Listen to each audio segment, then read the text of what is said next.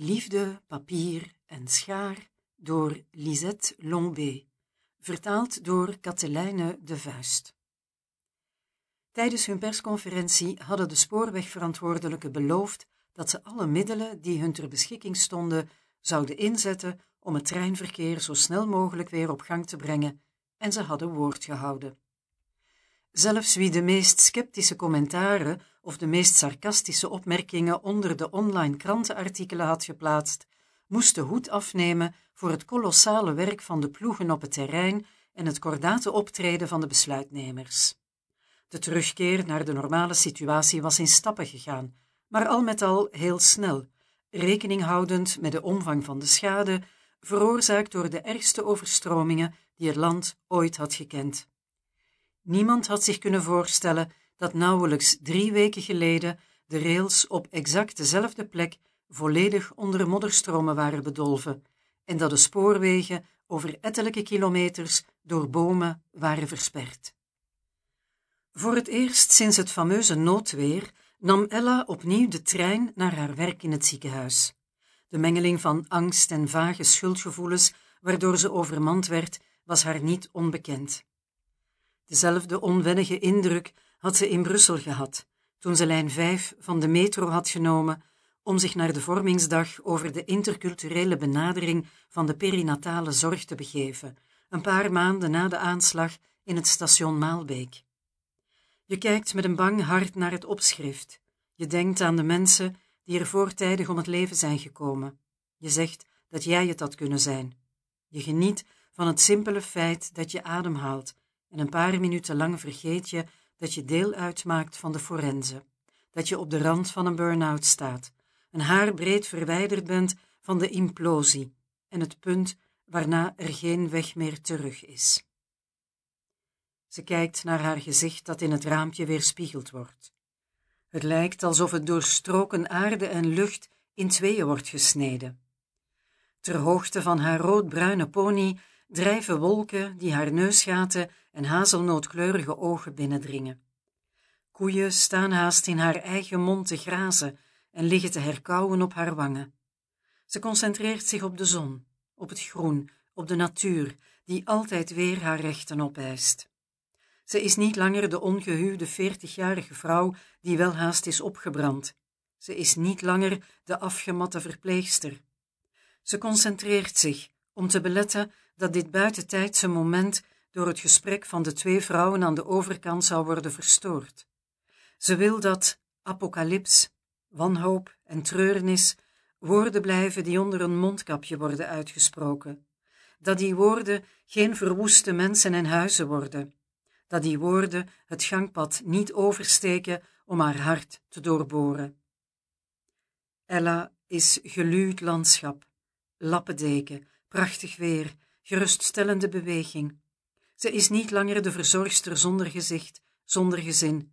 Ze zit in de trein. Ze is niet langer de verzorgster die rechtop staat te slapen, die heen en weer snelt, die rent, die paniekt, die zich te pletter werkt, die zich uitput en afmat, terwijl geen mens erom geeft. Ze is niet langer de verzorgster die voor het grote publiek de cape van Superwoman draagt en voor wie elke avond vanaf het balkon wordt geapplaudisseerd, stipt om acht uur. Superman en Superwoman bestaan niet in de echte wereld. In de echte wereld moet je georganiseerd zijn om niet bij bosjes neer te vallen. Je moet elkaar onder collega's voortdurend helpen, steunen. Je moet afspreken voor de werktijden, flexibel zijn, andermans afwezigheid opvangen. In de echte wereld moet je betogen, afhaken, een schaamtehaag vormen voor een premier om voor de zoveelste keer te zeggen dat je er niet intrapt en dat je de drastische budgettaire besparingen van de opeenvolgende regeringen niet bent vergeten. Wanneer Ella bij de halte voor Luik-Guillemin een man met een glimmende schedel en een t-shirt in camouflagekleuren ziet opstappen, moet ze denken aan haar broer en aan hun ruzie op 21 juli. De wond brandt nog hard. Ze had beter thuis kunnen blijven om van haar vrije dag te genieten en te ontspannen in plaats van het zoveelste steriele twistgesprek over normen en waarden te voeren met broer lief. Hun moeder had aangedrongen op een symbolische samenkomst op de nationale feestdag, uit solidariteit met de slachtoffers van de overstromingen. En zoals gewoonlijk had hun vader niets kunnen inbrengen tegen de grillen van zijn vrouw. Ella vond dat ze beter de mouwen had kunnen opstropen om een handje te helpen in de centra waar de slachtoffers werden opgevangen. Maar ze was zo bekaf dat dit familiemaal ook een excuus was om haar ziekenhuisklompen niet te hoeven verruilen voor laarzen, een trekker en een emmer. De clash stond in de sterren geschreven, en het mocht een wonder heten dat broer en zus elkaar niet al veel vroeger in de haren waren gevlogen.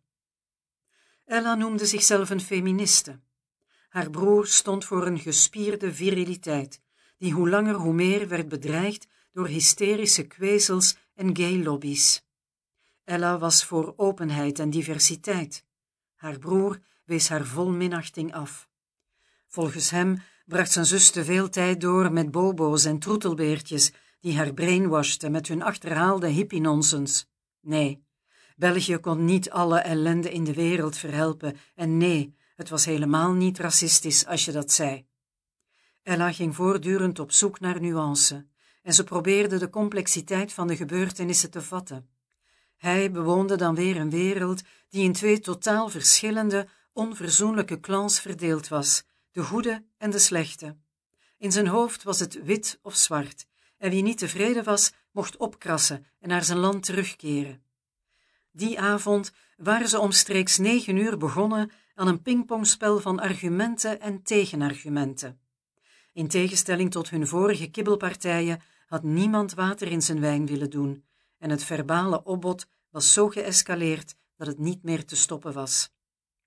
Ella kon niet aanvaarden dat haar broer de mensen zonder papieren die in de Begijnhofkerk een hongerstaking hielden als parasieten bestempelde en hun eis om geregulariseerd te worden als hatelijke chantage.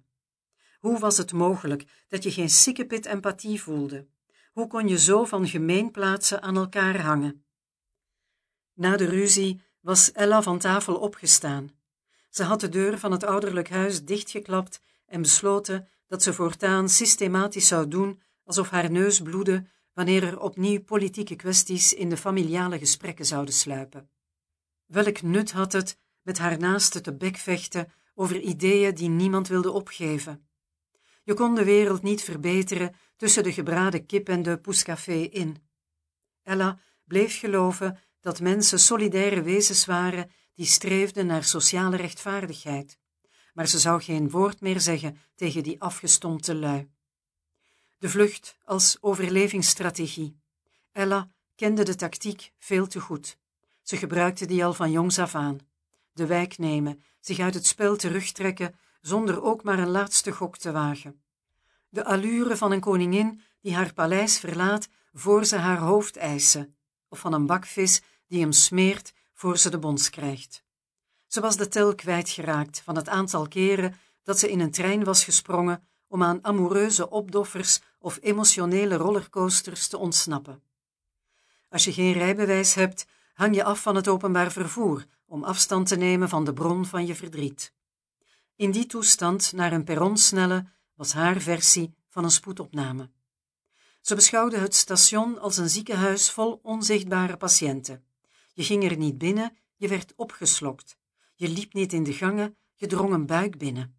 Je nam de lift niet, je werd verdieping na verdieping uitgespuwd. Er waren pijltjes op de grond nodig en nummers boven de hoofden om niet te verdwalen in die pensen van glas en metaal. Trein naar Oostende. Liefdesverdriet begraven onder het zand. Trein naar Brussel. Ontsnappen aan de naamse microcosmos, op andere smoele botsen dan die van je exen. Anonimiteit van de hoofdstad, extravagantie van de nachten en uitspattingen zonder angst voor de volgende dag. Trein naar Antwerpen, wild dier uit de zoo, kooi, vacht, wrijven, tralies, rondjes draaien, technische werkloosheid. Trein naar Parijs, de tellers op nul, ongewenste zwangerschap, porseleinen schouders, lode gewicht van het moederschap. Trein naar Amais, barbecue, gebrek aan vertrouwen, poëzie die je niet met het publiek durft delen, die je voor jezelf houdt. trein naar Cour Saint-Étienne, trein naar Rochefort, trein naar Charleroi, trein naar Ninove, trein naar Gembloers, trein naar Hasselt, trein naar Brugge, naar Rivage, naar Dinant, naar Gent, naar At, naar Si. Stokkende ademhaling. Lokroep van de natuur of van de stad, maar hoe dan ook, lokroep van een elders, een elders zonder spiegel, zonder de verplichting jezelf in de ogen te kijken, zonder de verplichting aan jezelf rekenschap af te leggen. Gewoon een plekje reserveren in een jeugdherberg. Gewoon je laten wiegen in de wagon, zoals een baby in de buik van zijn moeder. Gedreun, gesmoorde geluiden van buiten, bescherming van het gedender, bestemming bekend, lotsbestemming onbekend. Zoals de fameuze trein naar Blankenberge, na haar mislukte examenreeks geneeskunde. Toen was er nog geen numerus clausus en het was makkelijk een beurs te krijgen. Ze zou levens redden. Ze zou niet gewoon een praktijkruimte openen en haar patiëntenbestand zien aanwassen. Ze zou de meest behoeftigen tegemoet treden, op straat, in probleemwijken, in landen in oorlog, overal waar een tekort heerste aan elementaire gezondheidszorg. Ze zou alles op alles zetten om een wereld van twee snelheden tegen te gaan. Geneeskunde van twee snelheden, rechtspraak van twee snelheden, onderwijs van twee snelheden, cultuur van twee snelheden. Niettemin moest haar oorspronkelijke enthousiasme weldra wijken voor teleurstelling. Hoe hoger de syllabi zich op haar werktafel opstapelde, hoe duidelijker de lacunes aan het licht kwamen die op de middelbare school van de radar waren verdwenen. Ze moest bergen leerstof verslinden en inmiddels blijven hopen dat haar buurman of buurvrouw in de practica eerder dan zij in elkaar zou storten. Het was de wet van de jungle. En Ella had geen papa-arts, geen oompje-arts, geen vriendinnetje dochter van een papa-arts. In de anonimiteit van de auditoria had ze snel begrepen dat mooie idealen niet volstonden als je geen netwerk en geen erfenis bezat. De boot had zwinters al water gemaakt, maar Ella had alles op alles gezet om haar ouders niet teleur te stellen. Dus was ze hun blijven wijsmaken dat alles op wieltjes liep. Ze had de sms waarin ze meedeelde dat ze gezakt was, gestuurd nadat ze het station Brussel-Zuid verlaten had. Uit het laconieke antwoord van haar ouders bleek dat ze het totaal niet konden begrijpen. Ze hadden maar heel weinig woorden gewisseld. Na haar terugkeer uit Blankenberge werd er niets meer gezegd over haar leugen. Het was duidelijk dat Ella haar jaar niet zou overdoen en dat ze zich zou inschrijven aan een hogeschool voor verpleegkunde. In tegenstelling tot haar vader, die van een eerste universitair gediplomeerde in zijn gezin droomde, had de nieuwe studiekeuze Ella geen minderwaardig gevoel gegeven. Verpleegster of arts, je droeg een jas van dezelfde kleur, van hetzelfde wit. Wit was overal in het ziekenhuis. De hele horizon zag wit, zoals een waarschuwing die overal was opgehangen, van de vloer tot het plafond, zoals een bedwelmend refrein, zoals een vale huid die door neonlampen wordt verlicht. Er zijn tientallen nietige handen nodig om al dat wit in stand te houden. Er is huishoudelijk werk nodig, anders krijg je in geen tijd een smeerboel. Er is een wasserij nodig in de kelders om ervoor te zorgen dat boven alles blinkt. En een hele stoet nauwgezette schoonmaaksters die omgedoopt werden tot hygiënemanagers, zoals je stof onder een vloerkleed wegmoffelt. Overal wit, wit als een beddenlaken, wit als een lijkenzak, wit als een familielid dat niets van de coronamaatregelen begrijpt, wit als geen afscheid meer. Overal wit, wit is mooi, zuiver, wit is het teken dat alles goed gaat. Je stelt iemand die in het wit gekleed gaat niet ter discussie. Je maakt je geen zorgen over wat er sinds de lockdown in zijn binnenste is veranderd onder al dat wit. Je maakt je geen zorgen over wat onder de papieren ruimtepakken in duigen valt, over wat overblijft in het hart van die matroeskas onder al dat wit. Wit verblindt, wit wekt vertrouwen. Vandaag heeft Ella geen haast als ze uit de trein stapt. Ze laat zich voortduwen door al wie nog hoopt tijdig op het werk aan te komen. Voor het eerst sinds ze in het ziekenhuis in dienst is genomen, maalt ze er niet om dat ze haar bus mist, dat ze haar verbinding mist, dat ze niet komt opdagen en zo haar team in de problemen brengt. Ze heeft de indruk dat ze boven het gewoel hangt, dat ze boven de Janboel zweeft. Wat moet ze zeggen tegen de jonge vrouw die positief op corona heeft getest? Dat ze haar mondkapje op moet houden om van haar eerste kind te bevallen? Dat ze haar mondkapje de hele duur van het huid-op-huid contact op moet houden? Dat het haar schuld niet is? Dat het niemand schuld is? Of dat de zonnestraal van de eerste blik al het goud van de wereld waard is en dat die blik door geen enkele maatregel kan worden ingeperkt? En wat moet ze zeggen tegen die baby? Baby, kijk niet naar al die troep om je heen, al die tentakels, al die buisjes, al die verdomde mondkapjes. Als we druk in de weer zijn, als we onze mond bedekken, doen we dat voor je eigen bestwil. Baby, luister niet naar het geroezemoes van onze nieuwe angsten.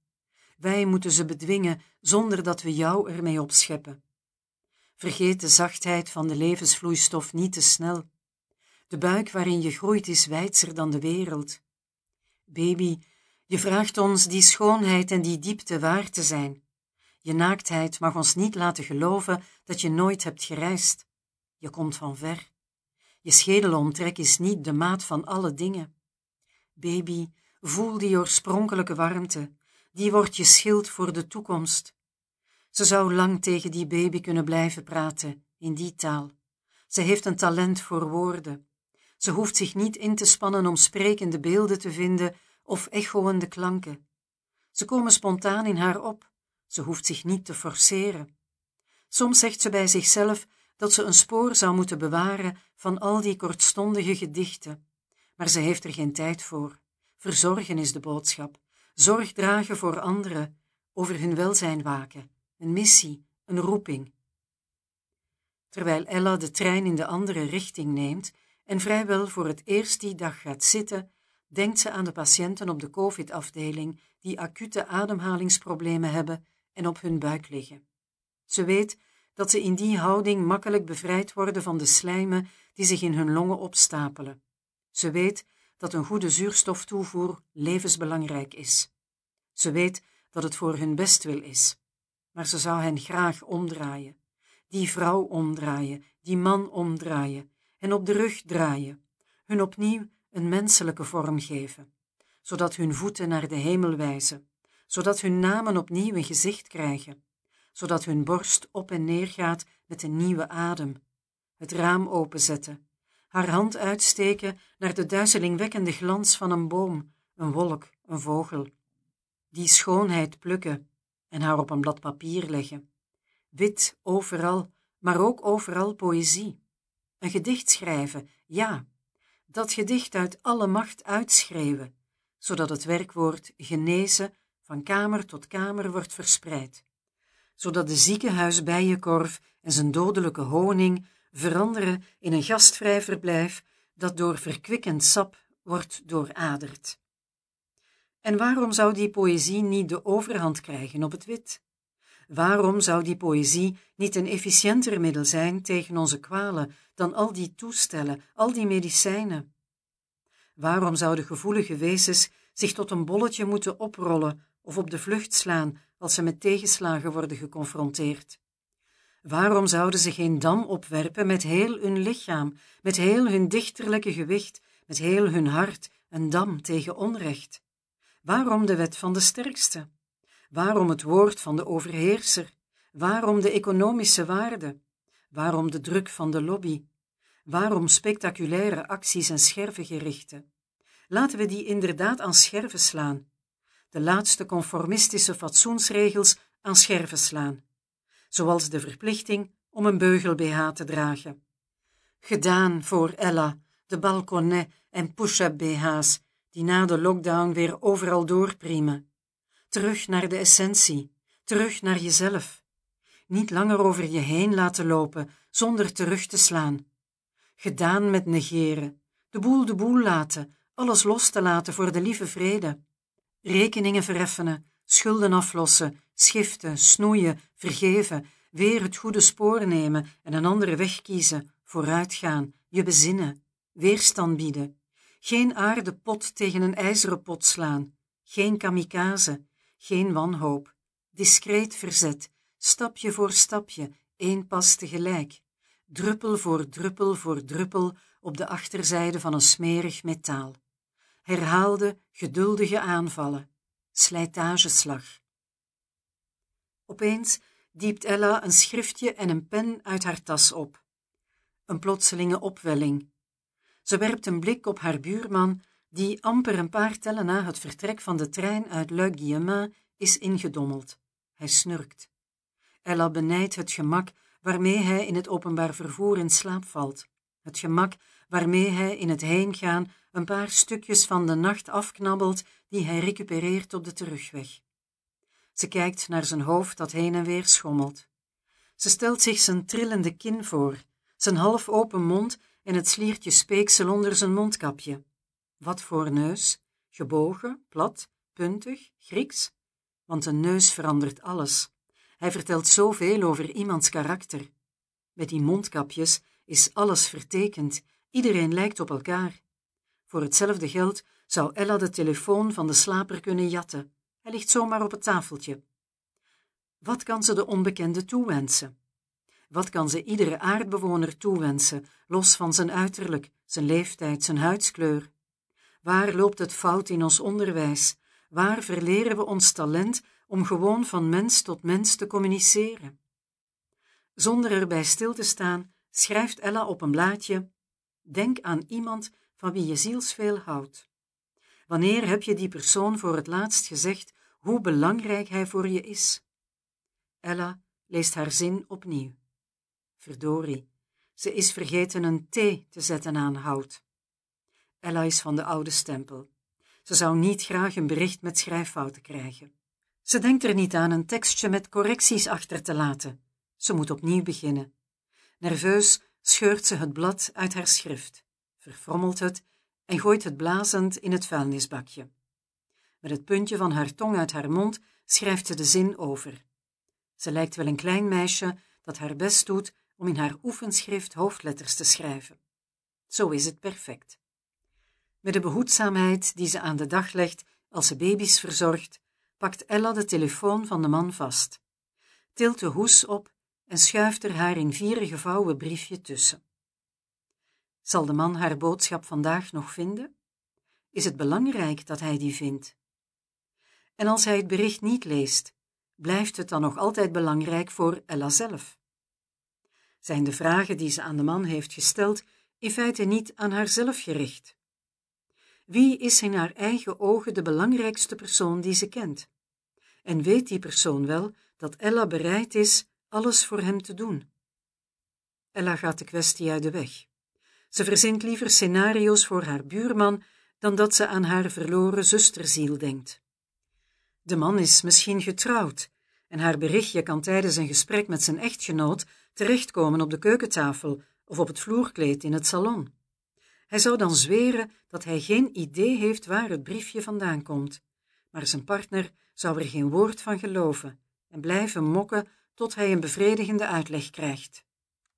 Of de man kan op zoek gaan naar de mysterieuze schrijver en een dankbericht zetten in de rubriek Kiss and Ride van de gratis krant die dagelijks in de hal van de grote stations wordt verspreid.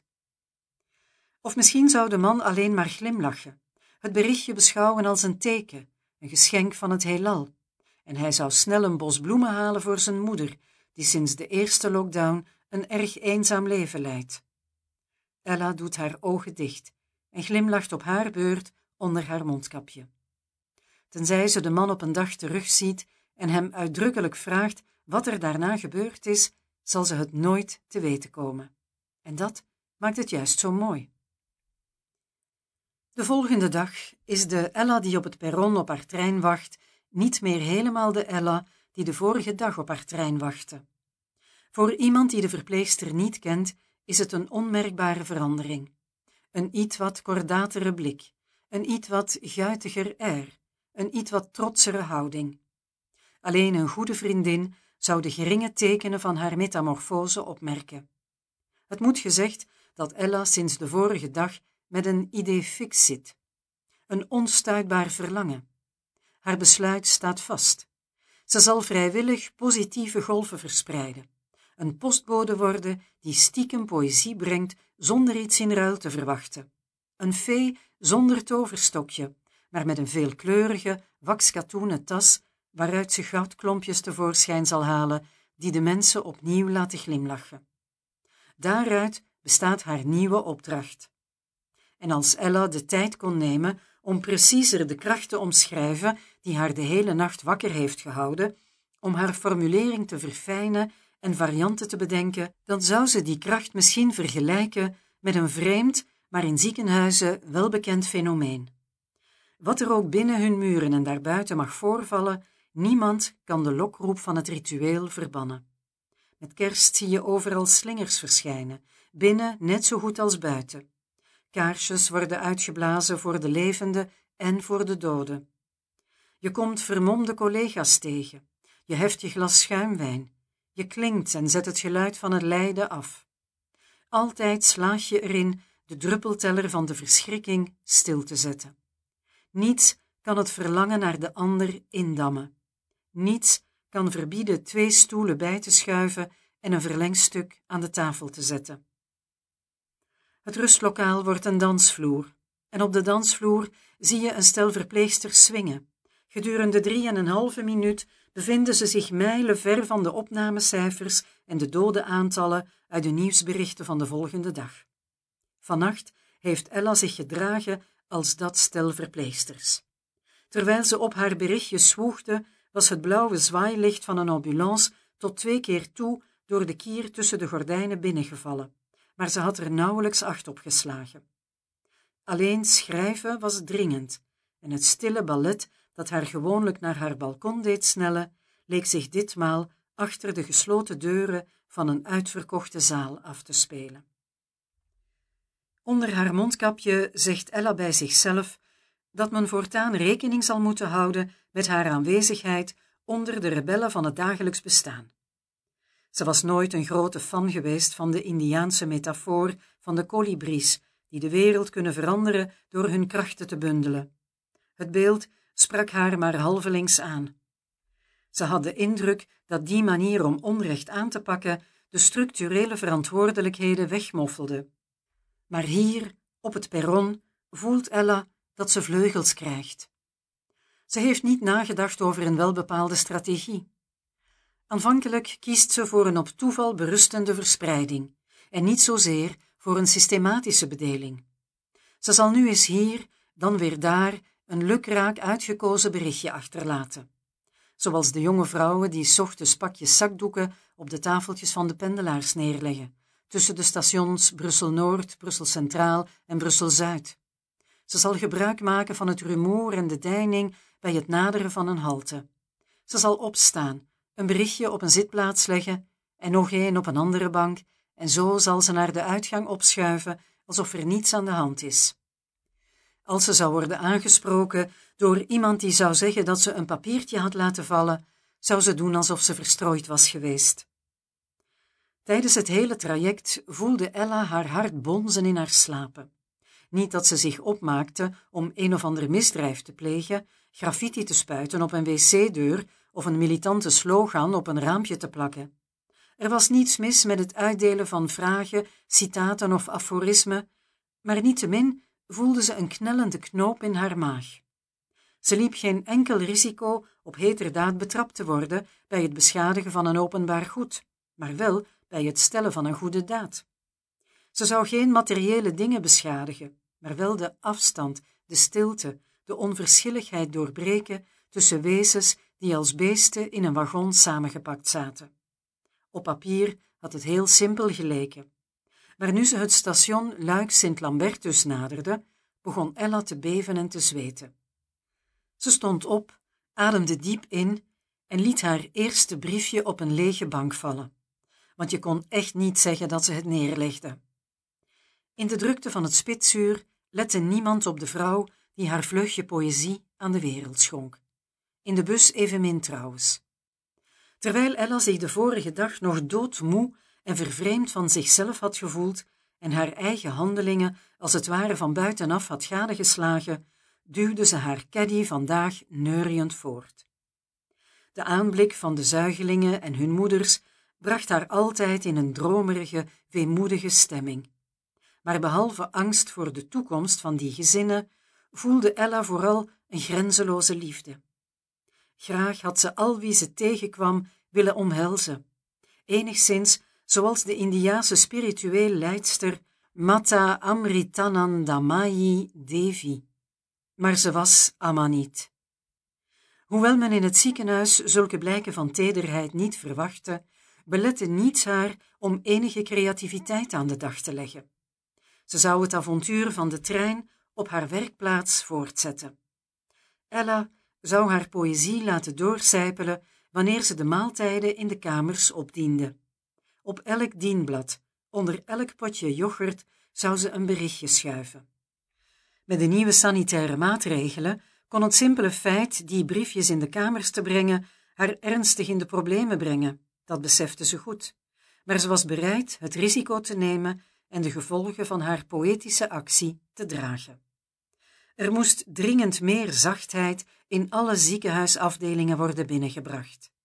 In haar vleugel, met de zuigelingen, kwam de tederheid van alle kanten toegestroomd. Maar in de geriatrische of psychiatrische afdeling lagen de zaken helemaal anders. Ze moest een ruimer, ambitieuzer plan uitwerken, voelde ze. Er moesten meer mensen bij haar opfleuringsproject worden betrokken. Het mocht niet beperkt blijven tot geïsoleerde individuen die zich voor andere geïsoleerde individuen inzetten. Toen Ella na haar pauze terugkwam, voelde ze meteen dat er een ongewone opwinding in de gangen heerste. Drie moeders hadden haar collega's gezegd dat ze de persoon die de berichtjes had achtergelaten graag wilde ontmoeten en danken. Ella was opgetogen te horen dat haar initiatief geslaagd was en gesprekken had uitgelokt. Ze zouden snel, door deductie, achterhalen dat zij dit alles op gang had gebracht.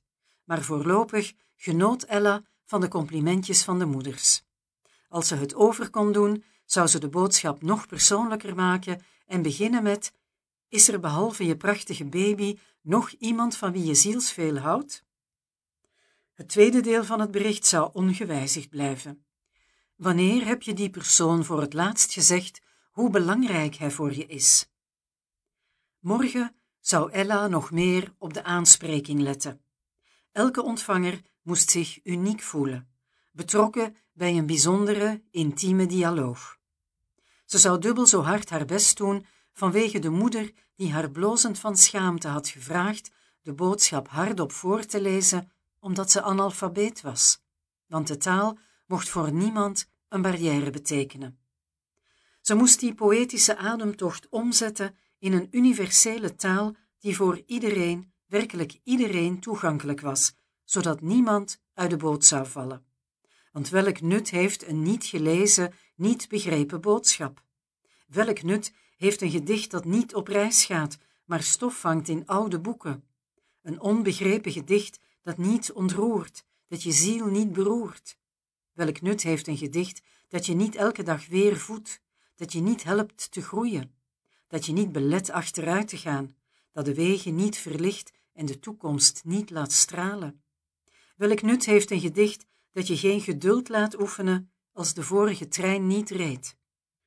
Zigzaggend op het perron baant ze zich een weg tussen de mensen die voeteren op de vele incidenten die zich sinds de overstromingen op de lijn hebben voorgedaan. Van sociale afstand is geen sprake meer tijdens het spitsuur. De politici moesten hier maar een kijkje komen nemen om te beseffen wat de gewone burgers meemaken. Om het volk te begrijpen volstaat het niet om snel snel aan de vooravond van een debat de prijs van een brood of een metrokaartje uit het hoofd te leren. In twee weken tijd wordt al voor de derde maal een trein opgeheven. Gewoonlijk zou Ella zijn uitgevaren tegen de spoorwegmaatschappij en zou ze hebben geknikt als andere forensen over een klacht bij een consumentenorganisatie waren begonnen. We zijn het beu om de haverklap te worden gegijzeld. We zijn al die verloren tijd beu, want voor we thuiskomen moeten we ook nog boodschappen doen. We laten onze woede niet bekoelen.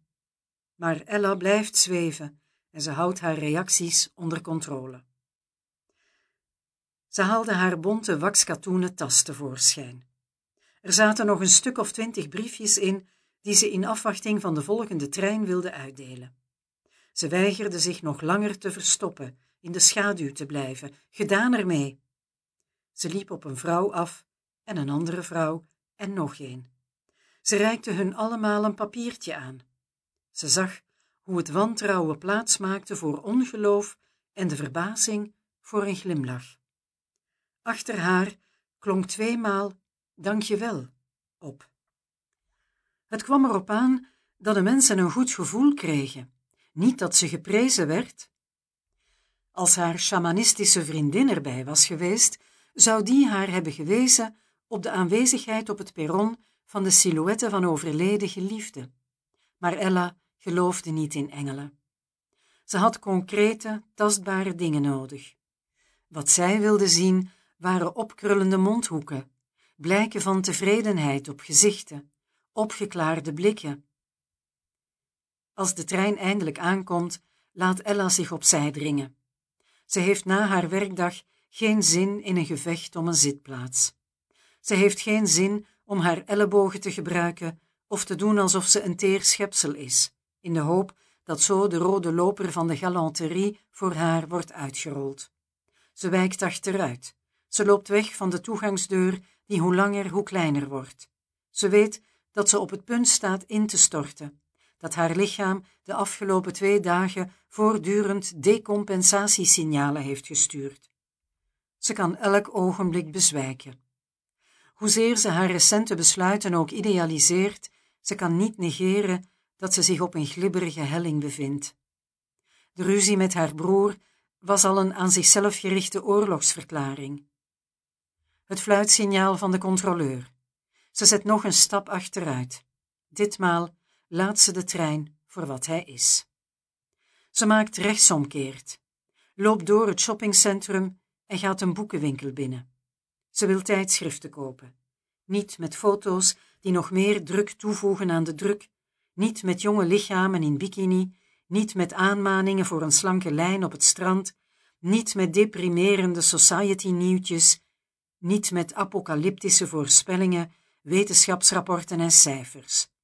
Ze is op zoek naar adembenemende landschappen, in vrijheid levende dieren, frisse watervallen, zonsondergangen, smakelijke gerechten. Ze wordt op haar wenken bediend. Er is een volledig rek welzijn en feel good. Ze weet dat wat er getoond wordt, wat er gezegd wordt, bestemd is voor geprivilegeerde vrouwen. Onthaasting is een luxe. Inkorting van de werktijd is een luxe. Zelfgekozen soberheid is een luxe. Professionele heroriëntering als je over diploma's beschikt, is een luxe. Het gelukkige stel met kinderen, een woning, vakantie en een huisdier is een luxe. Zij, de ongetrouwde, mollige vrouw zonder kinderen of geld, wat kan zij antwoorden op al die idealen op glanspapier? Voorlopig helemaal niets. Ze neemt een tiental magazines mee en drie tubes lijm. Haar tas weegt zwaar. In de trein denkt ze opnieuw aan de vrouw die niet kan lezen en ze begint bladzijden uit te scheuren, als een robot. Mooie dingen uitdrukken, dromen uitdrukken. Geen woord, geen tekst, alleen beelden, alleen verhalen die geen praatjes nodig hebben. Ze zal er collages mee maken, in briefkaartformaat. Ze zal de collages verspreiden. Ze zal ze aan vrienden en vriendinnen geven. Ze zal ze tussen twee boeken schuiven in de biep, tussen twee blikken cassoulet in de supermarkt. Al wie een beeldgedicht vindt, kan het gebruiken zoals hij wil, kan erin zien wat hem juist lijkt. Geen spraakkunst, geen woordenboek, geen taalbarrière, geen moraal, geen gedragslijn, geen vluchtlijn. Alleen maar kleuren die aanspreken of niet. Alleen maar vormen die raken of niet. Alleen maar een kaart die je mooi vindt of niet. Die je meeneemt, die je van jezelf mee naar huis mag nemen of ook niet. Als je maar buiten de lijntjes mag kleuren, daar komt het op aan. Ze denkt terug aan de fameuze trein naar Blankenbergen. Elke dag denkt ze eraan terug. Ook dat is een teken. Ze was jong, maar ze was al moe. In die tijd had men het nog niet over burn-outs bij studenten, en trouwens ook niet over ouderlijke burn-outs. Dat was het toen al, maar ze wist het niet. Ella heeft de indruk dat ze al haar hele leven moe is. Ze drukt haar voorhoofd tegen het raam en doet haar ogen dicht. Het is geen glas meer, maar marmer. De koelte doet haar goed. Ze denkt terug aan de deal die ze bij aanvang van haar artsenstudie met zichzelf had gesloten. Als ze onherroepelijk teleurgesteld zou raken in het beroep, als zou blijken dat ze niet van de patiënten hield, als het helemaal oneens zou zijn met de keuzes van het instituut, zou ze haar jas aan de haak hangen en het hazenpad kiezen. Ze had die eed die ze zichzelf had gezworen helemaal uit haar geheugen verdrongen. En nu, nu ze met haar hoofd tegen het raam zit, keert hij als een boemerang terug. Hij is terug om haar te zeggen dat ze op die beruchte tweesprong staat. Je kunt meer zorg dragen voor anderen dan voor jezelf. Je kunt andermans geluk meer nastreven dan je eigen geluk. Je kunt steun bieden, luisteren, begeleiden, dragen. Maar dat lukt alleen als je zelf overeind blijft, als je blijft rennen, als je jezelf nooit een moment rust gunt om na te denken over de liefde die je voor jezelf voelt. Je kunt het risico nemen te schrijven. Je kunt het risico nemen het leven van de mensen met poëzie te kleuren. Je kunt tal van risico's nemen, het ene al gewaagder dan het andere. Maar je kunt niet het risico nemen te gaan zitten op dat kruispunt van vermoeidheid en uitputting. Want je weet heel goed dat je, als je daar gaat zitten, nooit meer opstaat. Je drukt je voorhoofd tegen een raam en voor het eerst sinds je prille kindertijd laat je je wiegen. Je wenst dat de zoete schommeling de rest van je leven blijft duren en je kunt je hoofd niet meer bewegen.